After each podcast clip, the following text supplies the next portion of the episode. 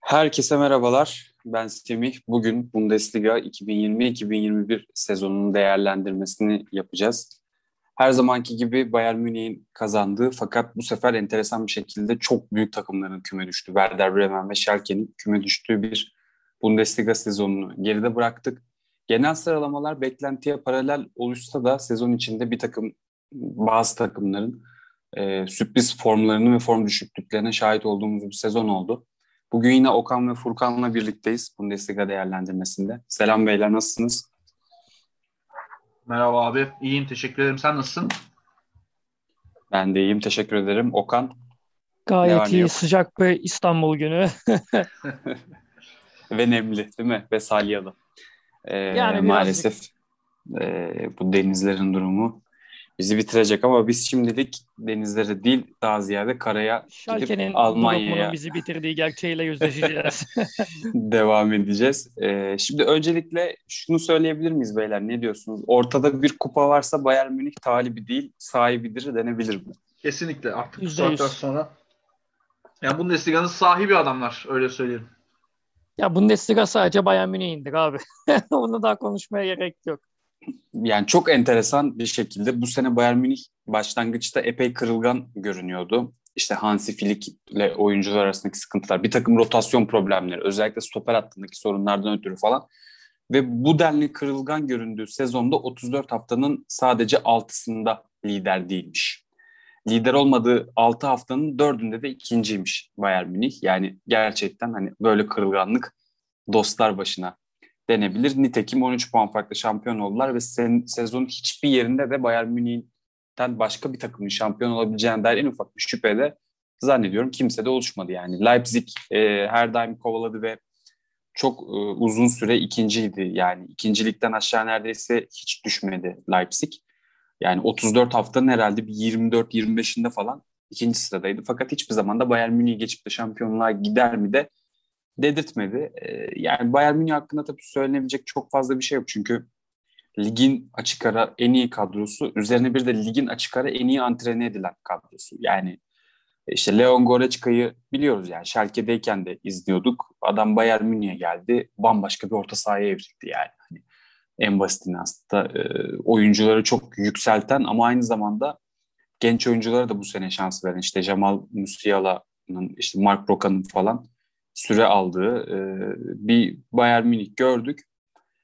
Bir de tabii Lewandowski'nin tarihi bir performansını izledik. Artık kendisinin adı da Lewandowski olarak tabii revize edilecek belli ki. Bundesliga gol rekorunu kırdı. 41 golle Gerd Müller'e ait rekoru kırdı. 40 gollük rekoru. Onun dışında skora Thomas Müller ve Gnabry'in ciddi katkı verdiğini, Leroy Sané'nin ise beklentilerin altında kaldığını söylemek lazım. Bayern Münih hakkında e, çok söylenecek bir şey var mı beyler bu seneye dair? Ben, ben açıkçası biraz daha gelecek sene Nagelsmann ve e, Upamecano transferleri ve olası diğer transferler üzerinden konuşmak istiyorum e, Bayern Münih ama sen ne dersin Furkan? E, yani abi sen daha çok saha içini net şekilde özetledin zaten. E, yani kimin nasıl performans sergilediğini, hangi oyuncuların iyi oynadığını. Ben biraz e, bununla alakalı birkaç sufle daha vereyim. E, Jerome Boateng bu sene hani geçen sezonları o anla bence iyi performans sergiledi. Onu da altını çizmek lazım. Partneri stoperde Alaba'ydı. E, o da hani sol bekten devşirme bir stoperdi ama o görevi hakkıyla verdi. İkisi de bu sezonun sonunda takımdan ayrılıyorlar. E, Boateng'in nereye gideceği belli değil ama e, Alaba'nın da Real Madrid'e gideceği artık kesinleşti açıklandı o transferde. E, Javi Martinez yine e, yaklaşık 8 senedir takımın e, orta saha oyuncusu. E, gerçi son dönemlerinde artık biraz daha böyle rotasyon oyuncusu kıvamına evrilmişti ama e, o da takımdan ayrılıyor bu sezon. E, Douglas Costa e, kiralık Juventus'a geri dönüyor ama o da Gremio ile anlaşmış. O da memleketine dönüyor transferini yapacak. E, ben biraz e, sahanın dışına biraz daha dışına biraz da tribüne e, değinmek istiyorum. Sağ kenarında Hansi Flick e, bence çok başarılı yine performans sergiledi. E, özellikle salgın dönüşü işte Şampiyonlar Ligi'nin e, kazanılması efendime söyleyeyim lige hani biraz sallantılı başlasa da ondan sonra toparlanış vesaire bence takdir edilesi bir başarıydı. Zaten buradan da Alman milli takımına uzanan bir çizgisi olacak.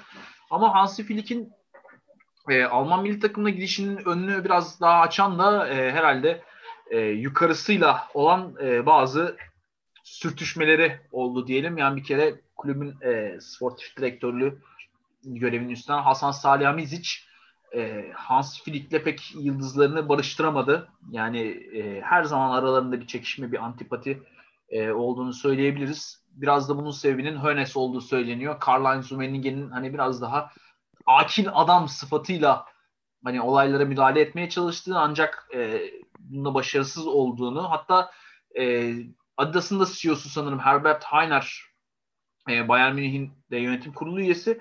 O da hani bir müdahale etmeye uğraşmış e, bizim okuduğumuz kadarıyla ama e, Salamidzic'le bir türlü Hansi Flick'in arasını yapamadılar ve Hansi Flick e, kulüpten ayrıldı. E, Alaba'nın ayrılışı biraz daha e, sancılıydı sezon içerisinde. Kendisi e, sözleşme uzatmak için müzakerelere başlandı ama e, Pini Zahavi e, menajeri Alaba için yıllık 25 milyon euro istedi. Yani çok uçuk bir rakam. Yani bunu nereden baksanız 13 milyon euroya falan denk geliyor net olarak. Ee, burada da Karl-Heinz Rummenigge çıktı ve hani Pini Zahavi'yi aç gözlü bir domuza benzetti. E, hatta işte onun için köpek balığı e, nitelemesinde de bulundu. Yani şu bir gerçek ki hani Pini Zahavi'nin istediği komisyon da az buz bir şey değildi. 20 milyon euroluk bir komisyon istiyor. 5 yıllık da bir sözleşme. Ee, ve Bayern'de biraz bu konuda prensip sahibi olduğu için takımın en çok kazananları Neuer 18 milyon euro ve Lewandowski 18 milyon euro kazanıyor. Onlar olduğu için kimse bu kişilerden, bu oyunculardan daha fazla para kazanamaz dediler ve Alaba'yla da yolları ayırdılar. Bayern'in bence bu sezonda daha çok yönetim krizleri damgasını vurdu. Ee, en azından benim gözüme ilişen bu. Gelecek sezonda e, yani biraz daha artık Bayern'in defans hattına takviyesi işte adaya Upamecano'yu getirdiler. Belki yanına bir Varan takviyesi gelebilir. Real Madrid'den ayrılacak konuşuluyor onun da. Ee, izleyip göreceğiz.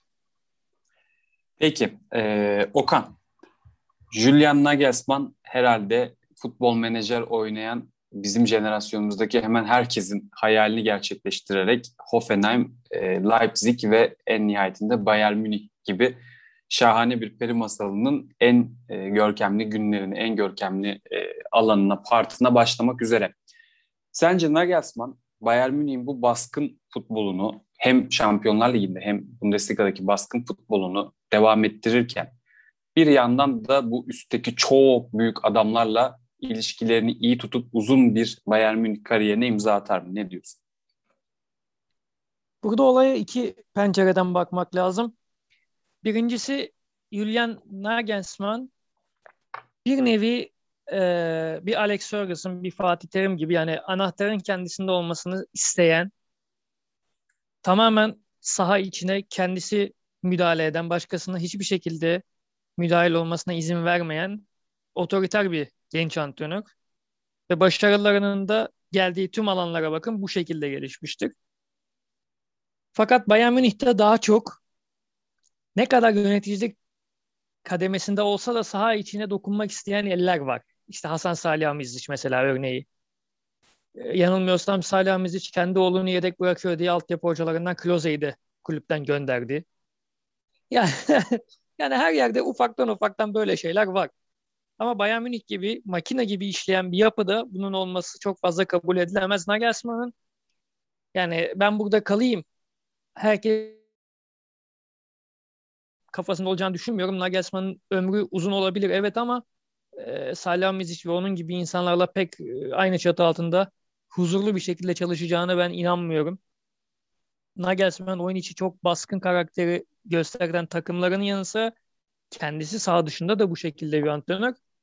Yani yönetim çatışmaları yönetimden ziyade orta kademe yönetim, spor direktör ve bunun gibi türevleriyle çatışmalara devam edecektir. Ee, bunun kazananının ben Nagelsmann olmasını umuyorum. Genç bir e, futbol adamı ve yani buraya çok büyük zorluklarla geldi. Hoffenheim'la bir peri masalı yarattı. Akabinde Red Bull'un fonlaması, büyük fonlamasıyla bir Leipzig. Yani e, Nagelsmann burada aslında şunu gösterdi Leipzig'le yaptıklarıyla.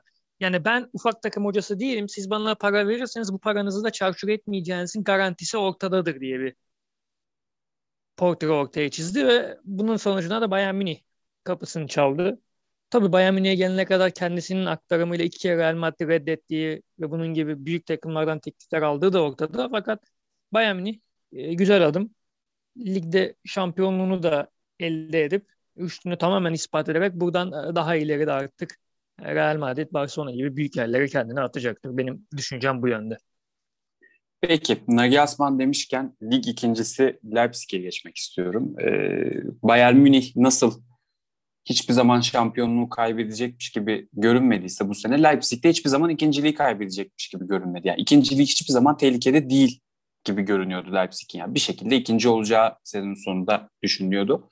Evet bir şekilde ikinci oldu ama enteresan e, bir biçimde sadece bir puanla Dortmund'un önünde yer aldı ki sezon boyunca bu iki takımın arasındaki fark hiç bu kadar küçük olmamıştı. Daima Dortmund'un en azından bir iki maçlık mesafesinde tutmuştu Leipzig Dortmund'u. Fakat sezon sonuna doğru işler bir şekilde Dortmund lehine döndü ve sadece bir puanla ikinciliği alabildi Leipzig ve baktığımızda benim Nagelsmann'a ilişkin e, tereddütlerimin olmasının sebebi bizzatihi bu sene ortaya çıktı aslında. Yani tam olarak bu sene olan şeylerden ötürü ben Nagelsmann Bayern Münih birlikteliğinden ne beklememiz gerektiğini tam olarak bilmiyorum. Şimdi lig şampiyonluğu başka bir şey. Yani Bayern Münih'in başına beni koysanız bile lig şampiyonluğu için ciddi bir şansımız olur. O öyle iyi bir kadro, o kadar büyük bir e, ekonomik güç, o kadar büyük bir lobi gücü. Ya işte diyorsun bak Adidas'ın işte CEO'su yönetim kurulunda falan yani. Bayern Münih zaten Almanya'nın bütün güçlerini birleştirdiği kulüp gibi bir şey. Dolayısıyla Bayern Münih ile lig şampiyonu olmak çok büyük bir mesele değil. Fakat Şampiyonlar Ligi şampiyonluğu için bundan biraz daha fazlası gerekiyor. Yani orada birkaç tane bölüm sonu canavarından en az bir ya da iki tanesini şanslıysanız alt etmeniz gerekiyor. Ve tam olarak e, Nagelsmann bunu hazır mı emin değil. Bunun söylememin sebebi de şu. Leipzig tam olarak bu sene ne oynadı Allah aşkına? Bana mesela bunu söyleyebilir misiniz? Yani Leipzig çok ben... koştu, çok mücadele etti ama oyun planı dersen bilmiyorum çok karışık yani. Baskın bir evet. oyun oynamaya çalışan, çok fazla mücadele eden ama ama yani ben mesela Leipzig'i her izlediğimde şunu görüyorum. Leipzig şöyle bir 10-15 dakikalığını çok iyi bir takım gibi görünüyor. Rakip kalede inanılmaz baskı kuruyor, gol pozisyonuna giriyorlar, paslar, ortalar, şutlar, kavgalar ve polisler, dost kazıkları ve hapisler her şey yaşanıyor sahada. O arada skoru alabiliyorsa alıyor. Mesela bunu yani bununla dair bir istatistik görmedim ama eğer tutuluyorsa muhtemelen birden fazla gol attığı maçlarda goller arasındaki dakika farkı en az olan takım Leipzig'tir ligde. Yani çok arka arkaya 1-2-3 ya da 1-2 yapıp daha sonra da tekrar rölantiye giriyor maçları ve ne oynadığını çok anlayamadığımız Leipzig takımı geri dönüyor. Bir diğer kaygım da sadece yani saha içinden ziyade oyuncu performansına dair. Enteresan bir biçimde her sene mutlaka bir ya da iki oyuncu çok büyük patlama yapıyor Nagelsmann'ın elinde. Fakat Nagelsmann'a bence eksi yazabilecek nokta şu. Bir önceki sene patlama yapmış oyuncunun performansını bir sonraki seneye taşımasıyla yeni sezonda patlama yapan oyuncunun performansını üst üste ekleyip ortaya çok ciddi bir takım patlaması ve çok ciddi bir puan ya da gol patlaması ortaya çıkartamıyor. Örnek vereyim. Bundan 3 sene önce Forsberg ve Paulsen'in çok ciddi performansı vardı. Sonra mesela geçen sene Timo Werner'den çok ciddi performans aldı. Bu sene mesela Forsberg'den çok aşırı iyi bir performans e, pardon Marcel Sabitzer'den çok ciddi bir performans aldı. İşte Enkunku zaman zaman devreye girdi. Olma zaman zaman devreye çok girdi. çok ilginç bir seviyeye getirdi ya. Çok acayip bir oyuncu oldu Sabitzer. İşte be, beni burada e, Nagelsmann'ın Bayern Münih birlikteliğinde endişelendiren, oraya bir soru işareti koymama sebep olan şey yani çünkü geri kalan her şey çok iyi görünüyor. Bir soru işareti koyacaksam şuraya koyuyorum. Takımın tamamı bir şekilde çok üst düzey performansa çıkamıyor. Mutlaka geri planda kalanlar oluyor. Yani hep beraber performans yükseltemiyor gibi Nagelsmann. Bu konuda Furkan'a topu atmak istiyorum. Furkan sen ne düşünüyorsun bu konuda? Neden her sene farklı farklı oyuncuların parladığı, geçen sene parlayan oyuncuların ise performansından yer yer geri adımlar attığı bir Leipzig izliyoruz sence? Abi ben bunu e, daha çok e, şuna bağlıyorum. Hani Nagelsmann'ın kendi e, taktiksel becerisi veya işte e, saha içi dokunuşlarından biraz da farklı olarak Leipzig'in e, yapısı itibarıyla çok geniş bir rotasyonu olmak zorunda. Yani e, Red Bull bir marka ve hani bu markanın nimetlerinden hem faydalanmak adına hem de bu markanın ürünlerini yani e, tabii somut ürün olarak işte bir enerji içeceğinden bahsetmiyoruz sonuçta. Yani o markanın ürünleri futbolcular o markanın ürünlerini e, pazarda e, nasıl diyeyim yükseltmek işte e, piyasaya çıkarmak anlamında herkese e, bir şansın bir nasıl diyelim e, bir 11 şansın gelmesi gerektiğini düşünüyorum ben. Yani o yüzden e, biraz daha bu sene özellikle yani Timo Werner'in geçen seneki e, yaklaşık 30 gollük bir katkısı vardı. Yani müthiş bir katkı mesela. E, ondan sonra e, bu sezon işte yeni transfer işte edilen hani oynatılan oyuncular işte Alexander Sörloth mesela o katkıyı hiçbir şekilde veremedi. Yani sezonun son maçında bir 3 tane gol attı ama sezon boyunca e, performansı gerçekten çok tartışılan bir isim oldu. Yani geçen sezon Leipzig e, şimdi kontrol ediyorum e, 81 gol attı. Evet çok fazla gol atmıştı. Ya bu sene 60 gol atmış mesela. Bence burada Werner'in işte e, ayrılığının payı da çok büyük. Yani Werner'in ayrılığını e, sadece işte Zoboslay ile işte orta sahaya Salzburg'dan transfer ettiler ya da e, Hwang'la ya da Sörlot'la e, dolduramazsanız e, bunun sonucu bu oluyor maalesef. Ama e, benim hani düşüncem burada biraz daha sabit. Hani Emil Forsberg'dir işte Marcel Sabitzer'dir bunlar çok daha e, nasıl diyeyim emektar oyuncular en azından bu yeni takım için. Gelecek yani geçen sezona göre biraz daha bir nasıl diyeyim düşüş oldu ama burada ben dediğim gibi hani hem bir geniş rotasyon getirdiği e, nasıl diyeyim zarar diyeyim öyle söyleyeyim burada bir eksi yazıyor hem de ikincisi hani Werner aslında o takım için çok e, tamamlayıcı bir oyuncuydu. Birbirleriyle oynama alışkanlığı kazanmış bir oyuncuydu. Hani o bütünü çok iyi tamamlayan bir parça. Yani her ne kadar Chelsea'deki performansını e, tartışmalı bulsak da hatta çok da eleştirsek de yani e, finalde de çok fazla e, sıkıntılara yol açtı Şampiyonlar Ligi finalinde kaçırdığı pozisyonlarla vesaire. Ama e, Werner o takım için çok uygun bir oyuncuydu. Bence o eksiği dolduramadılar. E, o eksiği dolduramadıkları için de e, birçok maçta bunun e, sıkıntısını da çektiklerini söylemek lazım. Yani çünkü neden derseniz e, Leipzig'in bu seneki performansında şöyle bir problem oldu.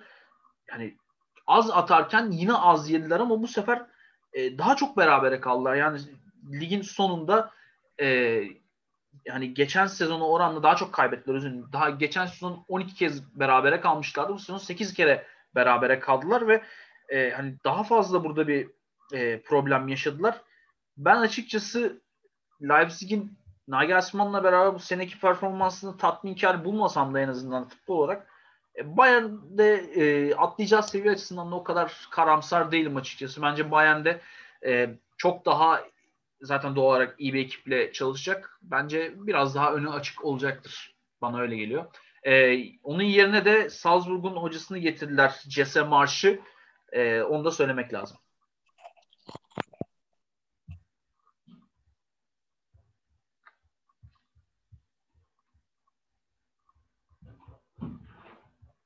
Ya Red Bull zaten kendi hocalarını yetiştiren bir marka. Hı hı. Yani Red Bull Tabii. Sadece şampiyonluk en zirvede olma tabii ki markanın en büyük. Hı hı. Markanın popülaritesinin en büyük nedeni bu. Hı hı. Fakat aynı zamanda dikkat ederseniz Salzburg'dan ancak hep bu sirkülasyon devam ediyor. Red Bull kendi Hı-hı. markasında en değer verdiği takımını en iyi yetiştirdiği, en iyi kişilerle donatmak istiyor. Bir Ralf Ragnick var zaten. Ralf Ragnick'le başladı bu Red Bull serüvenleri. Hı-hı. O şekilde de devam ediyorlar. İşte Marş geldi. Ondan sonra yine muhtemelen Salzburg'dan oyuncular ve antrenörler gelmeye devam edecekler. Yani işte. mesela bir Pat Sondaka gelecektir yani kesinlikle bir Yusuf. Muhtemel. Olsen'in ayrılığında. Ben, ben şunu da söylemek istiyorum abi. Olsen'in çok e, şey nasıl diyeyim e, bunu daha önce hani çok alakasız olacak ama Emre Akbaba için söylemiştik. Yani çok belirli bir rolün yani çok müstesna bir rolün çok istisna bir oyuncusu ve hani çok fazla e, şey e, kullanışlı bir oyuncu değil onun dışında. Yani verimi çok düşüyor. Yani bence mesela Yusuf Polsen'i satarlar mı satamazlar mı emin değilim ama hani onun bir ayrılığında bir forvet lazım onda ya da bir işte Sorlot'un ayrılığında ki Trabzonspor peşinde koşuyormuş tekrar kiralamak için. Onun ayrılığında mesela bir Patson Daka gelebilir. Ee, yani sadece Leipzig e, şeyden beslenmiyor. Hani Ragnik zaten ayrılı birkaç yıl oldu. E, Salzburg'dan beslenmiyor. Mesela Manchester City'den e, Angelino'yu almışlardı. Ben bu sene Angelino'nun performansını çok beğendim. Yani Avrupa'nın en iyi hücum, hücum beklerinden bir tanesi olabilir. Enkunku mesela 12 milyon euroya almışlardı Paris Saint Germain'de. Paris Saint Germain'de yüzüne bakılmıyordu Enkunku'nun. Hani çok büyük potansiyel var etmesine rağmen. O da bu sene bence e, iyi bir performans gösterdiğini söyleyebilirim. Hani e, burada bence Leipzig'in asıl düşünmesi gereken şey savunma ikilisinde Konate ve Upamecano'yu kaybetmiş olması. Konate e, Liverpool'a gitti 35 milyon pound'a. E, Upamecano da 42 milyon euroya Bayern Münih'e gitti. Bakalım hani burada işte e, Sabek genelde Sabek oynayan bu Kiele mi e, merkeze gelecek yoksa işte efendime söyleyeyim e, burada hani bir işte e, Klosterman ya da işte Halstenberg vesaire bunlar mı devreye girecek e, göreceğiz. Ama benim bu sene e, Leipzig'e dair diyebileceğim tek şey tatminkar. Hani daha iyisi olur muydu? Olurdu yani. Geçen sene 81 gol atmış takım bu sene 60 gol atıyorsa burada biraz problemler var tabii aşikar ama Werner'i de kaybettiklerini unutmamak lazım. Diyoruz ve bu sefer komutanı ben alıyorum. Şimdi son dönemlerde oyuncularını kaybettikten sonra bir dağılım içine giren Favre ile birazcık toparlayan bir Dortmund vardı. Hı hı. Hatta bayağı bir toparladı diyebiliriz. Evet. Favre'nin görevine son verilmesi Dortmund'un yine bir buhrana doğru sürükleyecek mi Semih? Sen bunu ne diyorsun? Yani açıkçası ben çok bir buhran olacağını düşünmüyorum Dortmund'da. Ee, neden düşünmediğimi de şöyle Zaten söyleyeyim. öyleydiler falan. ya e, şöyle şimdi Dortmund'un e, o kadar genç ve o kadar e, yetenekli bir kadrosu var ki yani bu kadrodan da Haaland'ı tutacaklarını söylediler ki bu kadronun temel taşı Haaland. Hı-hı. Tecrübeli oyuncuların temel taşı da Royce ki bu iki oyuncuyla seneye de devam edilecek gibi görünüyor. Bir de üstüne Dortmund o kadar iyi yönetilen bir takım ki Edin Terzic'le bile bir şekilde roller coaster diye tabir edice, edebileceğimiz bir sezonda sadece ligin 34 haftasının 16'sını Şampiyonlar Ligi potasında geçirdiği bir sezonu son 7 maçta 7 galibiyet alarak 3. tamamladılar. Bu son 7 maçta dikkat çekense şuydu basbaya Jadon Sancho döndü. Yani o, yani bu kadar e, yetenekli bir takım. Yani tek bir oyuncunun dönüşüyle bile Dortmund'un oyunu ve zinciri tamamlanabiliyor. Kaldı ki şimdi Mönchengladbach'la çok iyi sezonlar geçirmiş Marco Rose ile de anlaştılar. Eğer kadro bozulmazsa Dortmund'da ve e, birkaç tane de ekleme yapılırsa ben e, yani o eklemenin de yine oyuncuların özellikle genç oyuncuların kaydedeceği gelişimle yapılacağını düşünüyorum. Yani dışarıdan bir transfer değil de işte Gio Reyna'nın efendim söyleyeyim Jude Bellingham'ın aldığı sürelerin daha da artarak e, kadronun genişletileceği, Julian Brand'ın işin içine dahil edileceği e, bir senaryo e, şey yapıyorum, öngörüyorum. Orta sahadaki bu niteliksel gelişimin de etkisiyle ben Dortmund'un gelecek sezon ikinciliğin en büyük adayı olduğunu düşünüyorum Marco Rose ile. Hatta eğer Bayern çok ciddi sendelerse, zannetmiyorum ama çok ciddi sendelerse ciddi anlamda bir şampiyonluk yarışı verebileceğini düşünüyorum. En azından bir 25-30 hafta kadar. Daha sonradan Bayern yine e, muhtemelen camia refleksiyle devam eder ama Dortmund'un ciddi manada contender olma ihtimalini yüksek görüyorum. Eğer kararlarından dönüp eden e, Erling Haaland'ı satmazlarsa. Fakat e, Dortmund'da da şöyle bir problem var e, bence. Asıl bence Dortmund'un odaklanması gereken şey bu kadro yeteneğiyle uzun vadede bir turnuva kazanmak değil, Basbaya kısa vadede gençliğin getirdiği yetenek ve enerjiyle turnuva usulü yapılan kupalarda başarı elde etmeye çalışmak. Aslında neyi kastettiğimi anladınız. Ben Hı-hı. olsam Dortmund'un yerinde net bir şekilde Şampiyonlar Ligi'ni eğer ona gücümün yetme, yetmeyeceğini düşünüyorsam Şampiyonlar Ligi'nde elenerek UEFA Avrupa Ligi'nin şampiyonluğunu hedeflerdim. Bu, bu noktada bence Dortmund yani sürekli olarak Şampiyonlar Ligi'nde çeyrek finallere çıkan ama oradan da öteye gidemeyen bir takım olarak bu yetenekli ve e, ünü de artık Alman ligini ya da en azından Dortmund seviyesini aşmış oyuncular elinde tutmakta zorlanabilir. Evet. Yani mesela bugün şunu duyuyoruz yani Jadon Sancho Manchester United'a gitmek için baskı yapabilir bu yaz takıma. Fakat Doğru. mesela UEFA Avrupa Ligi finalinde Manchester United mağlup etseydi Dortmund Villarreal'in yerinde olup bunu o kadar zorlar mıydı ondan çok emin olamıyorum. Yani Dortmund'un bence şey tam olarak olacaktı. evet tam olarak oryantasyonunu doğru yapması gerektiğini düşünüyorum ve bence Dortmund'un bu parlak gelecek, bu mükemmel genç yetenek havuzu ve bence çok iyi bir teknik direktör de geliyor şimdi Marco Rose. Hı hı. Yani Dortmund'un oyun DNA'sına çok uyacak teknik direktör geliyor. Bence bir ufak soru işareti ve bir küçük e, siyah nokta bu kadar bembeyaz tablonun içinde bence Dortmund'un hedeflemesinde yaşanıyor. E, burayı da çözerlerse bence Dortmund'un çok açık yani. Dortmund şu anda açıkçası bir takımı yönetmem gerekse Dortmund bunların başında gelir. Yani o kadar güzel bir kulüp yani bir yandan. Kesinlikle. Mükemmel bir yapı.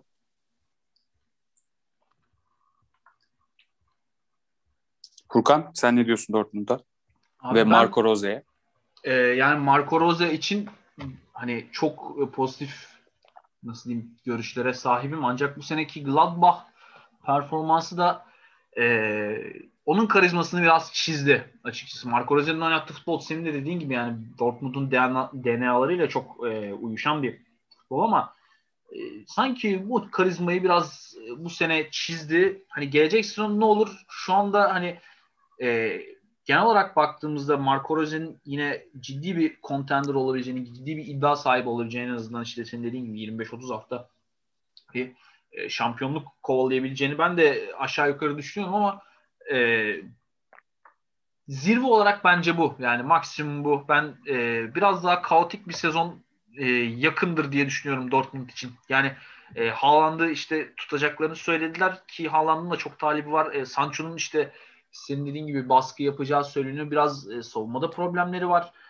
E, yani özellikle bir kaleci problemleri var. Mesela Roman Bürki hiç öyle iyi bir kaleci değil benim gözümde. Savunmada hani Yani bir büyük takım kalecisi değil en azından. Tabii tabii kesinlikle yani hani e, Akanji, Hummels, Zagadou üçlüsü eyvallah stoperde iyiler.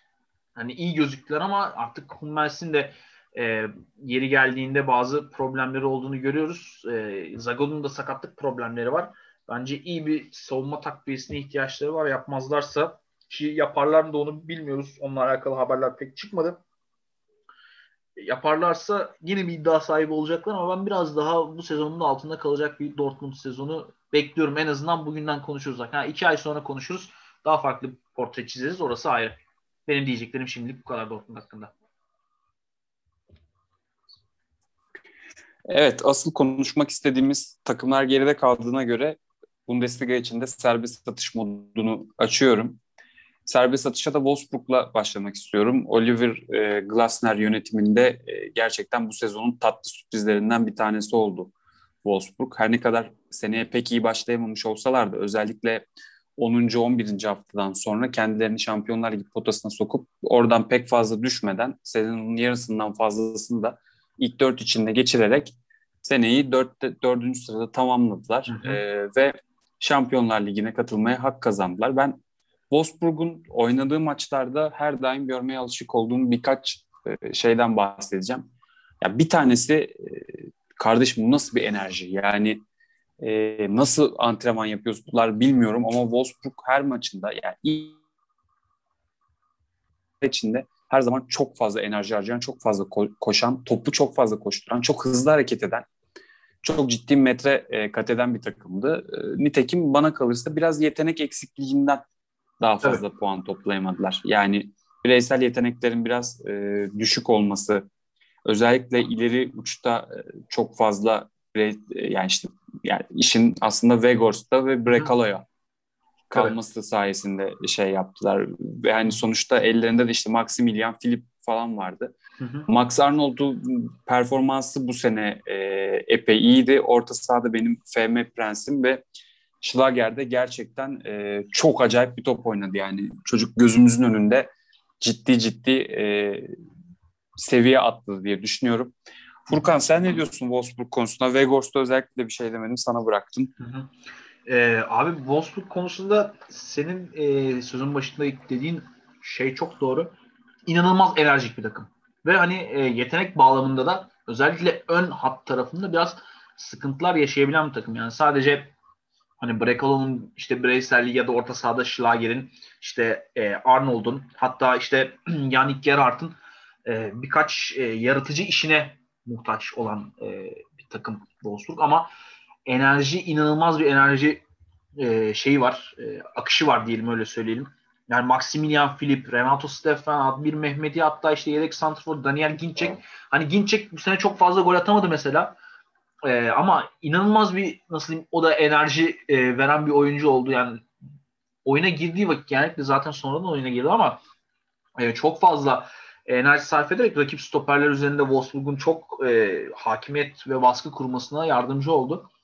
E, Weghorst'u hani anlatmak gerekirse Weghorst'un e, bu sezonki performansı gerçekten muazzamdı. Yani 20 gol 9 asist yani tam bir e, hedef adam targetman e, örneği diyebiliriz. Hatta işte e, bununla alakalı benzer bir oyuncu olarak da hani Fransa'da e, örnek ver, vermek gerekirse Ludovic Ayort'tan bahsedebiliriz.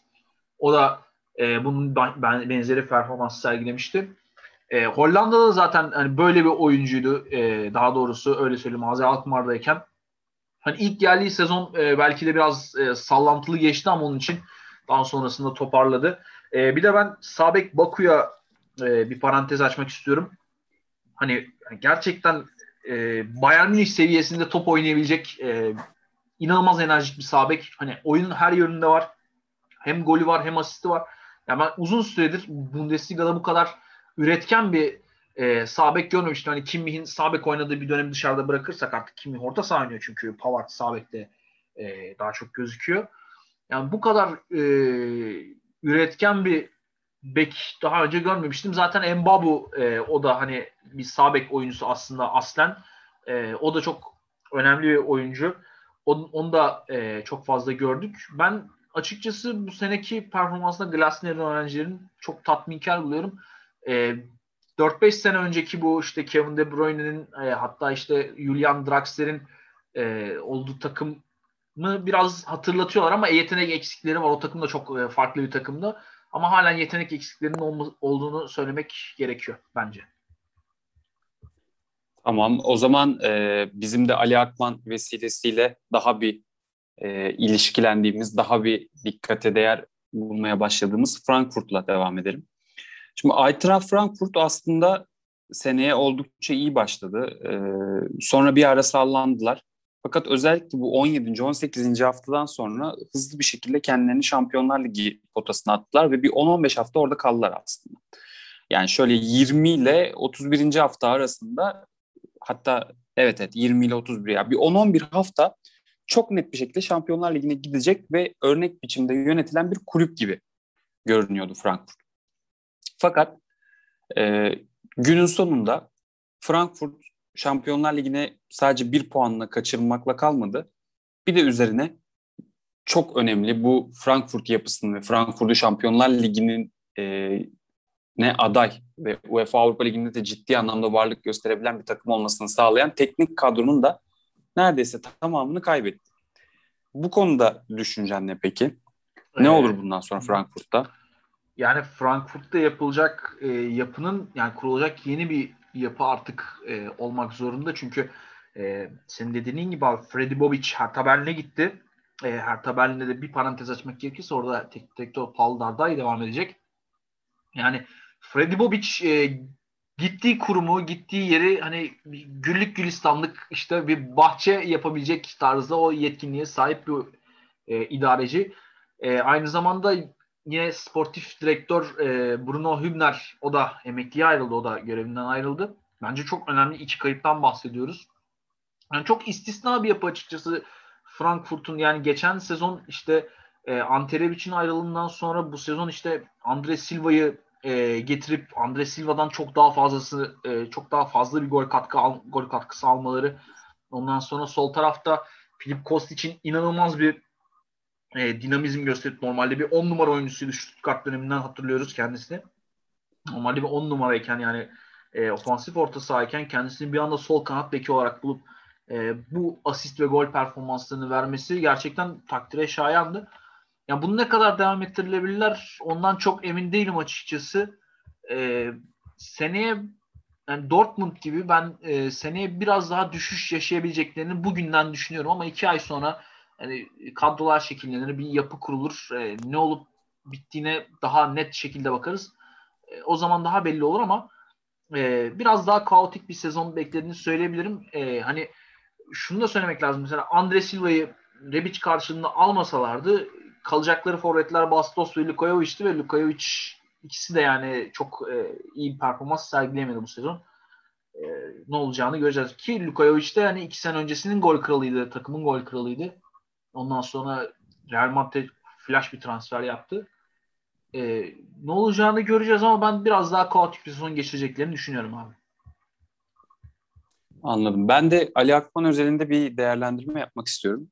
Ali Akman Frankfurt'a imza atarken herkes şöyle düşünüyordu. Ya adam takımı yaktı. Ya Bursa Spor'u yaktı. E, Bursa Spor'u hiç içinden çıkamayacağı bir kaosa sürükledi ve aslında takımının playoff ciddi anlamda playoff e, şansı varken de takımı ciddi anlamda baltalayan bir harekete imza attı. O imzayı basına servis ederek, o imzalı fotoğrafı paylaşarak. Fakat en nihayetinde çocuk da çok doğru bir yapıya gitti. Kendisini düşündü ve kendisi için en iyi yaptı deniyordu. Yani Ali Akman için yapılan yorumlar genelde bu minvaldeydi. En azından yani Bursa Spor camiasıyla biraz yakından ilgilenen kişiler ben dahil hep böyle düşünüyorduk. Yani Ali'nin yaptığı doğru değil ama 17-18 yaşında bir çocuk da kendini düşünmekte haksız değil diyorduk. Fakat çok ilginç bir şey oldu ve aslında Frankfurt'u Frankfurt yapan bütün e, yönetsel, idari, teknik unsurlar bir anda yerinden oldu. Ve şu anda Ali Akman aslında geleceği çok da belirli olmayan bir kulübün sözleşmeli oyuncusu. Tabii. İşin işin kötü noktası biraz da şu. E, evet Frankfurt'ta bir forvet kıtlığı var. Yani e, işte Jovic herhalde geri dönecek değil mi bu sene? E, Madrid'e iki seneliğine mi kiraladılar? Ben bir seneliğine diye Ben bir sene diye biliyorum. Bastos'ta kulüp büyüyecek diye yanılmıyorsam. Ha. Şimdi aslına bakarsan Andre Silva'nın hemen arkasında olabilecek gibi görünüyor Ali Hı. Akman rotasyonda. Bir şansı vardı. Fakat şöyle bir problem var. Ali Akman mevcut fiziksel durumuyla, mevcut ağırlığıyla yani saha içinde yavaş e, yer değiştirmesiyle, düşük hızıyla ve düşük fizik gücüyle Almanya liginde şu an varlık gösterebilecek bir forvet değil.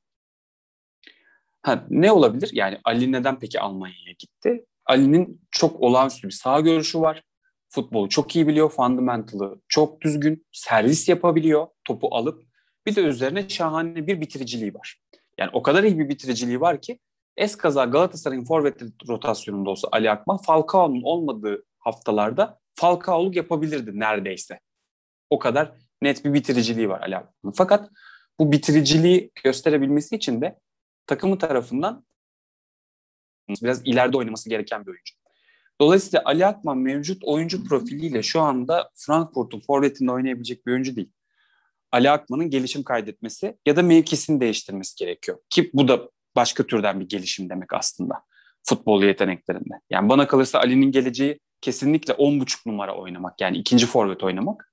Ama tek forvetli formasyonlarda dahi oynayabilecek bir bitiriciliğe sahipken diğer oyunun diğer departmanlarını özellikle fizik güç ve pozisyon alma departmanlarını çok geliştirmesi gerekiyor. Bu yüzden de öğretici kadroya ihtiyaç vardı. Ve aslında Frankfurt'a imza atarken de bu kadro vardı Frankfurt'ta. Fakat bunların hepsi gitti. Dolayısıyla ben Ali Akman'ın attığı imzanın değerinin de oldukça düştüğünü düşünüyorum. Frankfurt'un bu e, içinde bulunduğu durumdan ötürü. Yani bundan 3 ay önce Ali Akman'ın kararı çok daha iyi bir karar görünüyordu açıkçası. Kesinlikle. Sadece bunu e, ek, sadece bunu eklemek istedim. Yani Ali Akman'a da selam olsun. Ne olursa olsun sana güvenen, sana bel bağlayan, seni yetiştirmiş kulüpten bu kadar ah alarak çıkmak hiçbir zaman iyi bir fikir değildir. Evet, bu kadar değil. negatif enerjiyi üzerine alarak çıkmak hiçbir zaman iyi bir fikir değildir ama yapacak bir şey yok. Ee, başka bir ah edilen oyuncunun takımını e, hayatının kumarını oynamış ve kazanmış bir oyuncunun takımından biraz bahsedelim istersen. Hı hı. Max Kruse ve Union Berlin birlikteliği bir şekilde Union Berlin'i e, Avrupa kupalarına atmayı başardı. Ne diyorsun bu konuda?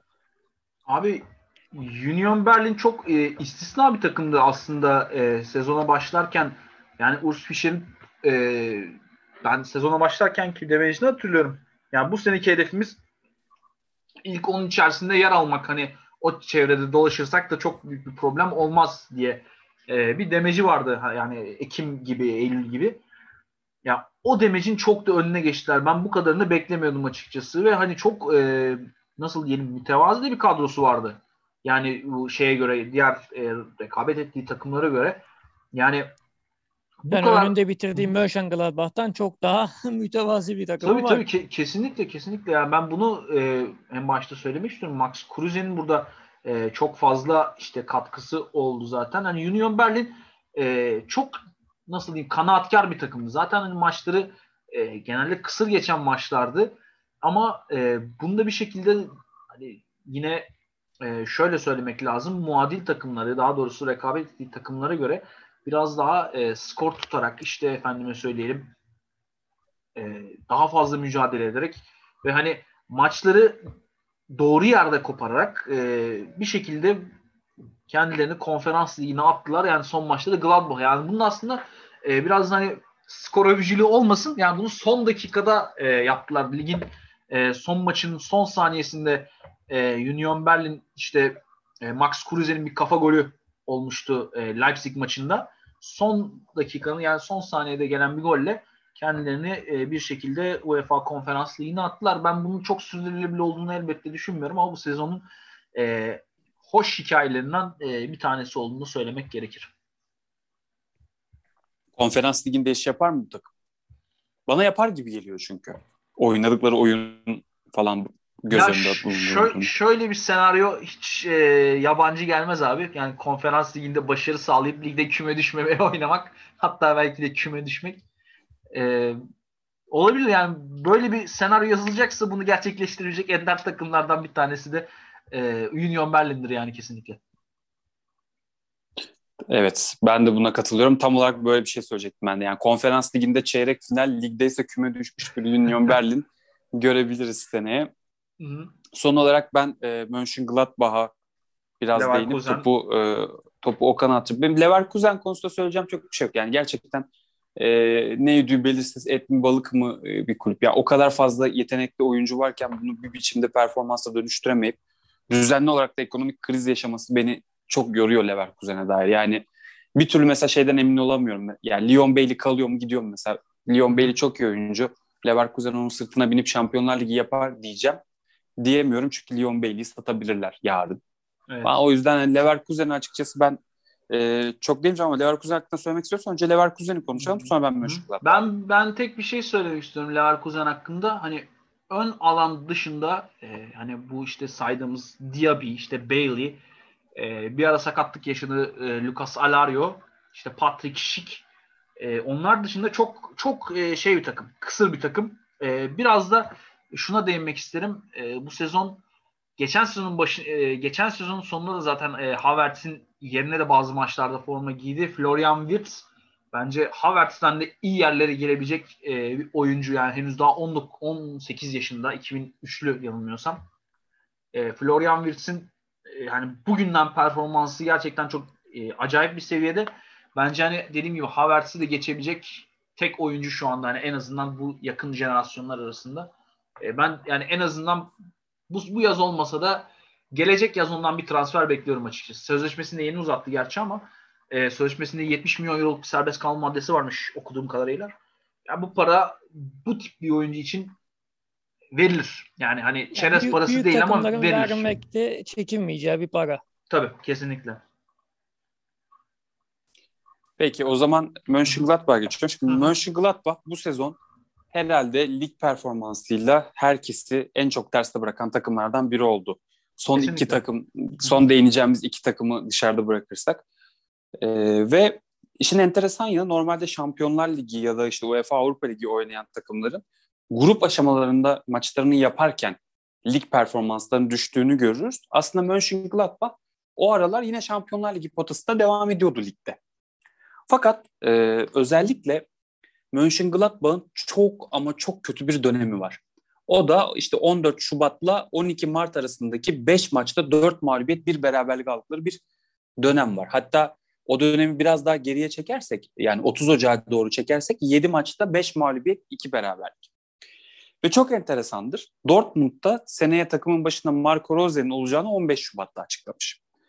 Yani burada da Ocak sonu ile e, Şubat ayında Marco Rose'nin Dortmund'a geçişinin işlemlerinin ve pazarlıklarının yapıldığı, tamamlandığı ve bunun takımın üzerinde etkilerinin en yakından hissedildiği dönem olarak okuyabiliriz.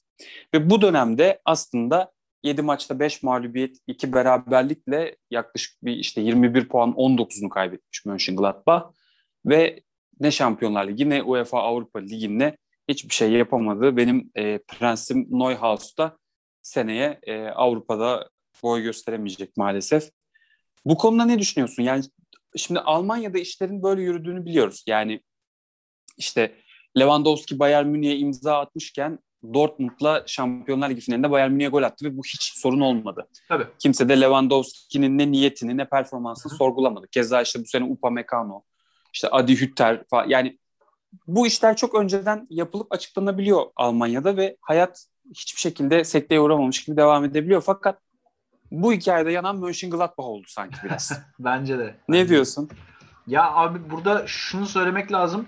Yani Marco Rose'un e, Dortmund'a geçişi açıklandıktan sonra e, özellikle bu dediğim periyotta e, taraftarların da yani net tepkileri oldu hatta toplanıp hani statta stadın önünde protesto gösterisi yaptılar. E, hangi maçta hatırlamıyorum ama iç sahada oynanan maçta takım otobüsü geldi. E, yani takım otobüsüne yumurta attılar öyle söyleyeyim. Öyle e, ilginç protestoları oldu. Bence burada e, eğilmemiz gereken nokta işte hani Dortmund konuşurken de biraz bahsettik. Hani Marco Rose'un işte fiyakasının e, nasıl diyelim karizmasının çizildiği nokta aslında burasıydı.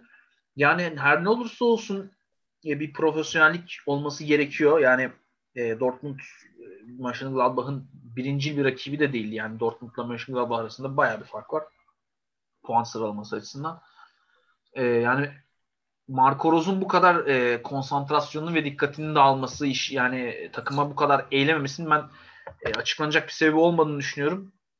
E, yani bu bir hata olduğu kesin. Kesinlikle e, bir problem olduğu aşikar ama e, bence Gladbach seneye hani atıyorum Union Berlin'den bahsettik. işte Wolfsburg'dan e, işte özür dilerim Frankfurt'tan bahsettik. Dortmund'dan bahsettim. Yani e, kaotik bir ortam olabilir. Seneye düşüş bekliyorum diye. Ben Gladbach'tan tam tersine gelecek sezonda Avrupa'da olmamanın e, verdiği biraz hani fikstür rahatlığıyla beraber bir e, yükseliş bekliyorum açıkçası. Şampiyonlar Ligi potasını e, hani zorlamasını da geçtim. O potada ligin başından beri yer almasını bekliyorum. Yani aslında şöyle mi diyorsun? Ee, seneye Bayern Münih olur birinci. Ee, Dortmund belki oralarda olmayabilir kaotik olursa ama Gladbach'ı ben oralarda bekliyorum. İlk hani, dörtte bekliyorum. İlk diyorsun. dörtte kesinlikle bekliyorum ben. Yani bugünden bakınca öyle söyleyeyim yani. Leipzig'le çekişeceğini hani ikincilik için çekişebileceğini ben düşünüyorum e, Gladbach'ın. Yani çünkü öyle bir kadrosu Oo. var.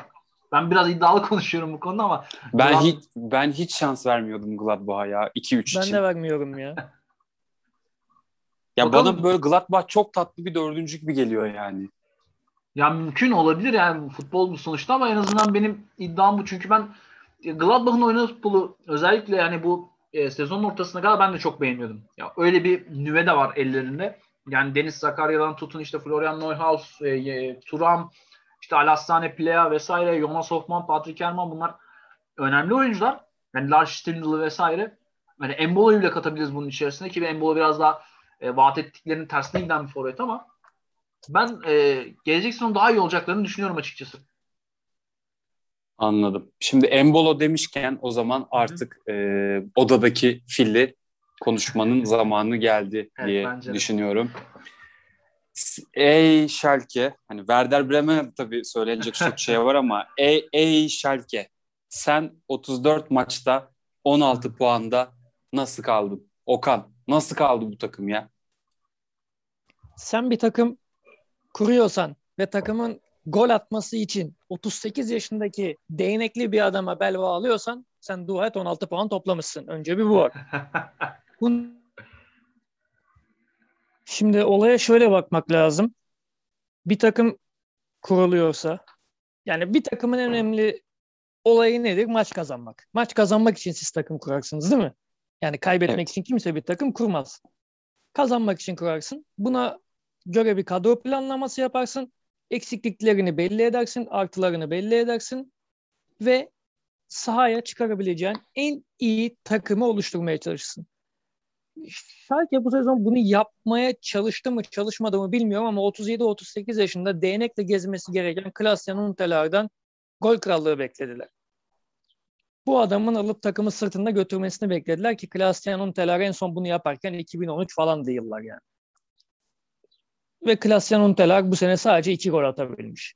Kaç maç oynadılar? 34 maç 2 gol attı. Sizin en büyük golü modunuz. Takımınızda da en fazla gol atan adam 6 gol atmış. Ya çok değil. 4 sene kasede geriye sarın.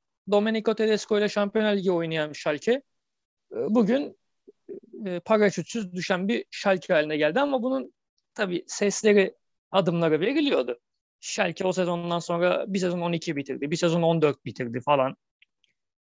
E, son 3-4 yıldır Schalke'de bir geriye doğru istikrarlı şekilde gidiş var. Aferin bu istikrarı bozmadılar. yılların Alman liginde ekol haline gelmiş kulübünü rezil kepaze ettiler. Ee, önemli olan şimdi alt lige düştünüz, alt ligden yukarı gelebilecek misiniz? Çünkü Bundesliga 2'de de çok çetin bir mücadele geçiyor. Orada da büyük takımlar var. Tekrardan yukarıyı zorlayan, çabalayan kulüpler var. Bunların arasından Schalke sıyrılabilecek mi? Bence şu an düşünmeleri gereken şey bu ve ellerinde bir Ozan Kabak durumu var. Ozan Kabak'ı tutacaklar mı, satacaklar mı? Tutarlarsa Ozan ikincilikte kalacak mı? Yani e, Schalke belki de Alman liginin en kötü yönetilen 2-3 kulübünden biridir. Alman futbol tarihinin hatta en kötü yönetilen kulüplerinden biri şu son 3-4 yıllık performansıyla. Hiçbir şey yolunda gitmiyor. Makine düzeninde işleyen bir çarkı bozdular ve e, yani karanlık günler bir karikatür var ya kötü günler geçti daha kötü günler yakında diye. Aynen öyle. Schalke'de kötü günler bitti daha da kötüleri yakında artık. Peki hazır Schalke bu kadar kötü yönetiliyorken. Bizim de ayağa top yapan bir sağ stopere ihtiyacımız varken camianın evladı opsiyonla camianın evladı son bir iş için hocasının yanına dönmez mi? Yani hazır çocuğa kalsa döner. Hazır da şeyde Ama çocuğa kalacak mı? İmzalı formasını yollamıştı Fatih Terim'e kaç gün önce e, haberlerde çıktı zaten. Yani imzayı farklı bir yere atacak bu sefer. Evet. Atla kardeşim. Bence lazım. E, Valla çok çok iyi olur. Yani Ozan Kabak, Markao ikilisi şöyle sağında Omar, solunda Patrick Van Anolt, hemen önünde Taylan Getson. Hayal saç beyazlatır kardeşim yani bu takım böyle var ya nasıl pas yapar biliyor musun? Tıkır tıkır Ama bu takımın işler. pas yapması için önce hocasının belli olması lazım. Başkanının belli olması lazım. Tabii tabii. Hocam devam eder orada ya. Hocam bırakmaz bizi ben gönülden inanıyorum. Neyse. Ben, ben ee, burada bir şey daha değinebilir miyim abi? Yani Schalke bu tabii. sezon herhalde Avrupa'da e, yani Türk oyunculara en fazla şans veren takım olmasını geçtim. Herhalde yani Türkiye Ligi'nde Türk oyunculara bu kadar şans veren e, takım yani şans vermeyen takımlar vardır bence. Schalke'den daha az e, dakika olarak daha az dakika veren e, takımlar vardır Türk oyunculara. Yani ben birkaç isim sayayım yani Ozan Kabak dışında e, işte Suat Serdar'ından Suat gerçi, Serdar var. Gerçi Alman milli takımını tercih etti ama yani işte Can Bozdoğan'ı, Levent Mercan'ı bunlar e, sezon içerisinde şans buldular. Hani e, şey olarak da yine e, altyapıdan gelen oyuncu olarak da e, Mehmet Aydın var. E, Mikail Maden var ki Mikail Maden bir parantez için benim çok aslında beğendiğim bir oyuncuydu Norveç U17 milli takımında e, oynarken e, hem sağ kanat yani orta sahayı destekleyebilen içerlik bir sağ kanat oyuncusu olarak biraz stil Hamit Altın topa benziyor. Ben öyle söyleyeyim. Hatta Norveç'ten e, geldi. E, Fenerbahçe'de aslında birkaç idmana çıkarmıştı diye biliyorum. E, ondan sonra anlaşamadılar sanırım. E, Norveç'ten geldi bu sefer geri Schalke'ye gitti. Bir Hamit Altın top havası seziyorum onda. Bence e, önümüzdeki yıllarda e, futbola, Türk futboluna damga vurabilecek tarzda bir oyuncu da olabilir. Bunun da altını şimdiden çizeyim. Evet. E, Okan biraz önce Schalke'nin ligden düştüğü ligden tekrar e, yükselme ihtimalinden bahsederken o ihtimalin e, zayıf olabileceğine dair bir şeyler söylerken Bundesliga 2'de de epey büyük takımlar var. Onlarla mücadele etmesi gerekecek hı hı. dedi. E, o büyük takımlardan bir tanesi de Werder Bremen. Bu sene 17. olarak hı hı. küme düştüler. E, şimdi normal şartlar altında Werder Bremen'in e, kadrosunu önüne açıp bakan bir insan ister istemez şunu düşünüyor. Yani işte e, Stelkes'i, Tai Chong'u, Josh Sargent'ı, Milot Raşikas'ı olan bir takım nasıl küme düşer? Bittencourt. E, yani normal şartlar altında bu takımın yine kendini bir 13-14'e falan sabitlemesini beklersiniz. Kaldı ki hı hı. aslında Werder Bremen Schalke'den, Köln'den, Arminia Bielefeld'den e, daha fazla gol atmış. Augsburg'la da eşit sayıda gol atmış. Yani aslında bir şekilde Bielefeld'in üstünde de yer alabilirmiş. Eğer ki 57 gol gibi inanılmaz bir gol yemese. Werder Bremen hakkında neler söylersiniz? Sizce düştüğü gibi geri gelir mi yoksa Werder Bremen için de kötü günler geride kaldı daha kötü günler bekliyor mu? Ben Werder Bremen'i Schalke'den bir adım önde görüyorum. Diyeceksin ki neye göre görüyorsun? Ee, Werder Bremen düştükten sonra geçen geçtiğimiz hafta veya ondan önceki hafta bir adım attı. Werder Bremen tarihinin belki de en değerli antrenörlerinden biri olan takıma şampiyonluk yaşatan Thomas Schaff'ı getirdiler yeniden. Şimdi bu bir mesaj. Bu bir Werder Bremen'in biz burada tamam düştük ama ait olduğumuz yere geri döneceğiz ve mücadelemize Bundesliga'da devam edeceğiz mesajı. Hı hı. Orada bir yeniden yapılanma muhakkak olacaktır. Giderler azalacak. Oyuncu değişimleri olacak. Yani işte saydığın hücumcular dışında Werder Bremen'in savunmasında Türk milli takımının stoperlerinden biri var. Ömer Toprak var. Yani arka tarafı da o kadar da kötü sayılamaz. Ben tam tersini Milli takım stoperi var elinizde. ben tam milli takım stoperi var elinde. Ama hani Werder Bremen Schalke'den bir tık daha önde benim gözümde. Yani Thomas Schaff Bu... etkisi muhtemelen e, şeyi gösterecektir. Performansı da yüksek yukarı çekecektir. Furkan neden tam tersini düşünüyor? Ona hemen geleceğim ama Hı-hı. öncelikle Thomas Schaff'ın Werder Bremen'in başına geçmesinden duyduğum memnuniyeti belirtmem Hı-hı. gerekiyor. Çünkü Fenerbahçe'nin başına Thomas Schaff ve Galatasaray'ın başına Thomas Schaff foto maç haberlerini bu sene görmeyecek olmaktan çok memnunum. Gerçekten. Çok yorucu oluyordu çünkü. Yani Thomas Schaff'ın işte en son Werder Bremen'le kazandığı başarılar işte Diego Ribas'larla, Naldo'larla, Klose'lerle olan şampiyonluklarından falan filan böyle anlata anlata getirip Thomas Schaff sanki böyle 180 tane gol atacak bir hücum takımı kuracakmış gibi falan bir takım hayaller kuruluyordu ülkede. O hayallerin bu sene kurulmayacak olmasından memnunum ama hı hı. Furkan, Thomas Schaff Werder Bremen birlikteliği neden o kadar iyi sonuç vermeyebilir onu da senden dinleyelim. Abi bence Thomas Schaff, Werder Bremen e, bir yani beraberliği tekrar bir birleşme neden iyi sonuç vermeyebilir? Yani bir açıdan şöyle söylemek lazım. Thomas Schaff biraz eski tip bir hoca. Yani Alman teknik direktörler için e, yani o sınıfta biraz eski tip bir hoca diyebiliriz. E, biraz daha işte disiplinli hani takım içi disiplini vesaire önde tutan, göz önünde tutan bir oyun e, bir teknik direktör ama oynattığı futbol yani şampiyon yaptığı dönemde de işte Şampiyonlar Ligi'nde e, tur atladığı dönemlerde işte flash galibiyetler aldığı dönemde de Thomas Schaff'ın oynattığı futbol çok belliydi ve gösterisiz bir futbolu vardı. Hani kısır da bir futbol vardı. Bunu da söyleyebiliriz. E, Bundesliga 2 gerçekten farklı dinamikleri olan bir lig. E, ben şunu da demek istiyorum yani Werder Bremen'in özellikle de defans hani zaten yediği fazla sayıda gol var. Özellikle bu sezon sakatlıklardan çok çektiler. İkincisi defansın bireysel kalitesi de çok e, yerlerde kötü seviyede. Hani e, Ömer Toprak yani hiçbir zaman bence o kadar iyi bir oyuncu olmadı ama halen nasıl bu kadar işte talibinin olduğunu ben şaşırıyorum. Onu da söylemek lazım. Yani bence kesinlikle bir defansı yenilemeleri gerekecek. e, bundan sonra e, ön tarafta da işte Milot Raşiçalar, işte efendime söyleyeyim e, Leonardo Bittencourt'lar falan, işte Josh Sargent'lar vesaire bunlar da herhalde ayrılacaklar diye düşünüyorum. Bir yeniden yapılanmaya gidecekler. Yani burada bir parantez daha açmak istiyorum. Eren Dinkçi var. E, kendisi Werder Bremen'in genç bir gurbetçi forveti. Ben hani Thomas Schaff'ın elinde biraz daha e, parlatılacağını düşünüyorum açıkçası. Thomas Schaff'ın bu yönde var yani birçok genç futbolcuyu e, hani parlamaya hazır futbolcuyu Avrupa futboluna hazırlamış e, yetiştirici bir hoca e, olma kimliği var. Ha şunu da belirtmek lazım. Yani e, Thomas Schaaf'ın işte bu zirve döneminden sonra e, Alman futbolu belki de 2-3 kere müfredat değiştirdi. Yani eski tip bir hoca dememin bir sebebi de o. Yani Thomas Schaaf'ın e, kalitesinden hani en azından teknik adamlık kalitesinde çok fazla bir e, şeyim yok, e, lafım yok ama hani idarecilik kapsamında ama e, dediğim gibi çok süre geçti aradan. E, senelerde de takım çalıştırmıyordu. En son benim ya yanlış hatırlamıyorsam eğer e, en son bir Hannover'e gitmişti yanılmıyorsam. Orada da kısa bir macerası olmuştu. Yani herhalde bir 4-5 sene vardır zannediyorum ki. Ondan sonra Şöyle bir şey var ama herkes bir... herkes geri dönüşü sever. Yani geri dönüşü sever de abi 60 yaşında. Hani tam 60 yaşında şimdi mezara gömmeyelim adamı da.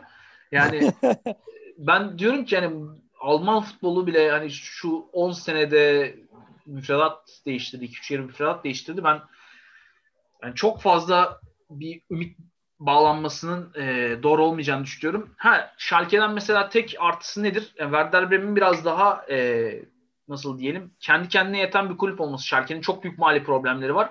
Schalke elinden bir sürü oyuncuyu e, bonservisiyle çıkartmak zorunda. Ha Werder Bremen bu kadrosunu muhafaza edebilir mesela Bundesliga 2'de. Yani öyle bir lüksü var öyle söyleyeyim. Zaten benim de Werder Bremen'e dair e, Schalke'den daha mutlu olmamın sebebi şu. Bundesliga 2'de az gol atarak Bundesliga'ya çıkamazsın. Yani Bundesliga 2'de çok gol atman. Yesen bile çok gol atman lazım. Ve Werder Bremen kadrosunun yani demin saydığımız oyunculardan iki tanesini bile kadrosunu tutsa o gol e, yükünü çekebilecek, taşıyabilecek oyunculara sahip. Schalke'de bu hiç yok. Schalke'de hiçbir şey yok ya. Schalke nasıl stadın yolunu buluyor? Ya Schalke'nin orta sahada işte Amine Harit çok iyi bir oyuncu. Biraz kafadan kontak bir kardeşimiz. Öyle söylemek lazım. Yani onun dışında gerçekten e, bir şey yok. Yani ileride net bir bitirici yok. Yani ne Mark Uth ne Paciença hiçbir tanesi öyle e, özlenen tarzda bir bitirici değil yani. Huntelar zaten devre dışı. Geçen sene iyi bir şey almışlardı hatta. Yani çok abartarak söyleyeceğim ama Ozan Kabak'ı bir şekilde orta sahaya monte etseler ya bu çocuğun ayağı düzgün sağa sola top atsın diye muhtemelen seneye en çok golü Ozan Kabak atar yani o takımda. Tabii, yani, tabii o, yani abartı bir örnek veriyorum ki durumun fe- vehameti anlaşılsın diye. Tabii tabii. Ya o kadar net kötü bir e, ileri hattı var Schalke'nin. Kesinlikle, kesinlikle. Yani hani e, Schalke'nin hani bu durumu hani işler acısı hani Schalke'nin bence bu yerde e, hani e, Werder Bremen'e kıyasla kıyasen bir avantajı daha var. Yani hani en azından elinde hani tam burada bir e, ekonomik kriz çekiyorlar zaten ama en azından ellerinde bir e, şey var. Yani meta var ellerinde. Şey olarak daha doğrusu satabilecekleri, paraya çevirecekleri meta var. Hani Werder Bremen elin, elinde tutabilir. E, bunun e, faydasını yiyebilir ama ben e, bunu da biraz e, göz ardı etmemiz gerektiğini düşünüyorum açıkçası. E, gelecek sezonu zaten çıkacakları teknik direktör belli. Gramozis ile beraber çalışacaklar. Darmstadt'ın eski teknik direktörüydü. Yani bu seviyelerde iyi bilen bir hoca. Yani en azından artı yön olarak onu söyleyebiliriz. Schalke'nin bütün bu negatiflerine, negatif taraflarına yorum yaparken. Yani Schalke olur da bir playoff'a falan kalırsa Bundesliga 2'de zaten yapması gereken şey hemen Mustafa Denizli'yi göreve getirmek. Onunla beraber 85-90 arası gelecek bir gol. Yumarko Paşa o golü. Aha. Yani bir de şunu da söylemek lazım. Köln işte playout'a kalmıştı. Dün Holstein Kiel'le bir maçları vardı. E, ilk maçı bir sıfır kaybetmişlerdi yanılmıyorsam ama dün deplasmanda 5 attılar e, Kiel'e. E, Köln'de ligde kaldı böylece. Almanya'da böyle bir sistem var podcast'imizi dinleyenler için de bunu söyleyelim. Yani sondan 3. bitiren alt ligde 3. bitirenle e, playout oynuyor. Güzel bence adil bir sistem. Yani ben de isterdim açıkçası yani e, yani lig mesela Türkiye'de özellikle lig 21 takımlı olmasa da hani 18 takımlı olsa bence adil bir sistem olur ama 21 takım olunca e, düşmesini istediğiniz çok takım oluyor. yani bu sevgi düşenler de dahil. Yani Erzurum işte vesaire hani e, işte geçen Erzurum mesela daha yeni çıktı ligi ama hani geçen sezon işte ligde aslında düşmesi gereken takımların bu sene düşmesi hak ettikleri bir şeydi. Ama ligin 18 takımla oynanacağını düşünürsek e, ilerleyen zamanlarda bence playout sistemi de gündeme gelmeli. Ama bu futbol ortamında mantıklı fikirler e, hayat bulabiliyor mu? Bu da biraz soru Bulamıyor. işareti. Ya şimdi bunu dinleyen Erzurumlu dostlar kırılmasın, kızmasınlar. Niye Erzurum örnek verdiniz diye de. Hı hı. Ya abi siz kusura bakmayın bunu tüm insaniyetle, dostlukla söylüyorum da. Yani bir sezon içerisinde siz 5-6 tane antrenör değiştiriyorsanız zaten ligde kalmayı hak etmiyorsunuz demek. Tabii yani Ka- Kayseri Kayseri de öyleydi mesela biraz daha fazla. Kayseri de ıı, kesinlikle kesinlikle. Hı hı. Yani canları sıkıldıkça hoca değiştiriyorlar. Evet. Böyle şeylerin yeri yok futbolda. Ya hani bir örnek olarak da söylemek gerekirse Schalke'nin de bir sezon içerisinde bayağı bir tek direktör e, değişimi oldu yani. E, Zaten bu yüzden gittiler. Evet. Yani evet, Schalke beyler, için öncelik Schalke için öncelik burada işte satılabilecek Amin Harit, Ozan Kabak, Suat Serdar gibi oyuncuları elden çıkarmak, bonservis kazanmak ve öncelikle mali yapıyı birazcık daha artıya çevirmeleri lazım. Ondan sonra saha içine odaklanacaklar yüksek ihtimalle. Bu yüzden Werder bir tık daha önde ondan. Peki. Ben de Werder Bremen'i bir tık daha önde görüyorum. Var mı eklemek istediğiniz bir Yok, takım hayır. ya da eklemek istediğiniz bir şey? Ee, ben bir tek bir şey e, söylemek daha istiyorum. E, Stuttgart hani çok fazla konuşmadık ama e, Stuttgart'ın ön ikilisi işte Sasha Kalajic ve e, Silas Wamangituka yani özellikle e, Wamangituka'nın performansı bu sene çok iyiydi. Yani, yani bir futbolcu her şeyi yapabilir mi? Yapabiliyor kardeşim. Yani bu çok belli e, gerçekten. yani bunu da yine bir dipnot olarak söyleyeyim. Podcast'te 3. ya da 4. oyuncu oldu. Yine 2 sene önce Paris e, FC takımında oynarken yani Lig 2 takımında oynarken Galatasaray'ın gündemindeydi Mamangi Tuka. E, o yaz Stuttgart'a transfer oldu. Yani başka bir transfer yapmak yerine Wamangi Tuka gelseydi, böyle bir yetenek gelseydi neler olabilirdi? Onu da biraz podcast dinleyenlerimizin hayal gücüne bırakalım. Biz o yaz kimi aldık? Falcao'yu aldık, Annoni'yi aldık. Tebrikler. evet, o zaman Bundesliga 2020-2021 sezonunun e, özetinde de e, sona geliyoruz. Bundan sonra önümüzde İspanya ve Hollanda kaldı. Onları da bilahare konuşup kaydedip siz dinleyenlerin beğenisine sunacağız. Ee, teşekkür ederim beyler. Eyvallah. Ben, ben teşekkür ederim için. abi. Hoşçakalın. Hoşçakalın. Hoşçakalın.